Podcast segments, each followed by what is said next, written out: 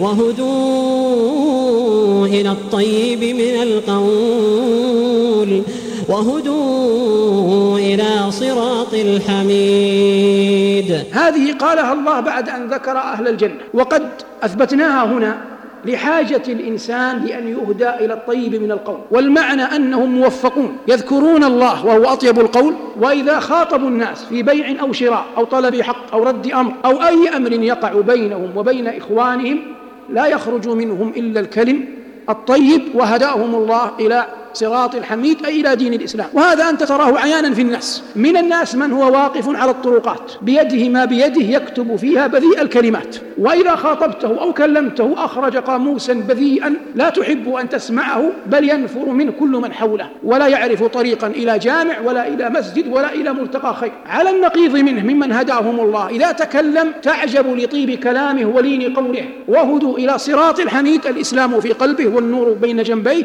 وإذا غدا الراح إنما يغدو ويروح إلى الأماكن والمواطن التي يذكر الله جل وعلا فيها ويبجل ويعظم فتجده غاد رائح إليها بكرة وعشي. وشتان ما بين الفريقين وكما اختلف في الدنيا سيختلفان يوم يقومان بين يدي الملك الديان. أم حسب الذين اجترحوا السيئات أن نجعلهم كالذين آمنوا وعملوا الصالحات سواء محياهم ومماتهم ساء ما يحكمون. والمقصود أنهم هدوا إلى الطيب من القول. لكن الناس وإن فقهوا معنى هذه الآية إلا أن الذي يمنعهم منها أحيانا أن الإنسان يقول أنني إذا ألنت القول وتكلمت بكلام حسن ظن الناس مني أو ظن الناس في أنني ضعيف الشخصية فيتجرؤون علي. وهذا أمر مشاهد محسوس. لكن لا ينبغي للإنسان أن يترك الحق لمجرد خوفه من أقوال الناس. إن الحياة عقيدة وجهاد ثبات على العقيدة التي تؤمن بها. لكن من حقك أحيانا أن تبين لمن أمامك ممن أخطأ فهمك أو أساء الظن بك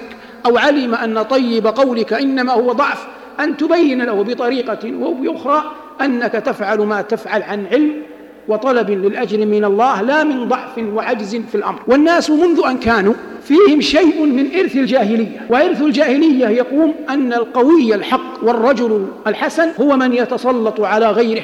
ولذلك حتى في تربية الناس لأولادهم من غير ما يشعرون يبعث الرجل ابنه ويقول يا بني كن ذئبا لا تأكلك الذئاب. يا بني كن رجلا لا يغلبنك الرجال. فيربي ولده على هذه القيم ظنا منه أن هذا هو الحق وهذا إرث جاهلي قديم. الذي يعنينا من هذا كله أن الإنسان حتى يكون قريبا من الله محببا من خلقه يكون حسن اللسان قال الله جل وعلا وقولوا للناس حسنا ومن حقك أن تطالب بحقك لكن اطلب حقك بكمال أدب وحسن لفظ وتشبه بالصالحين والأخيار في قولهم ومنطقهم.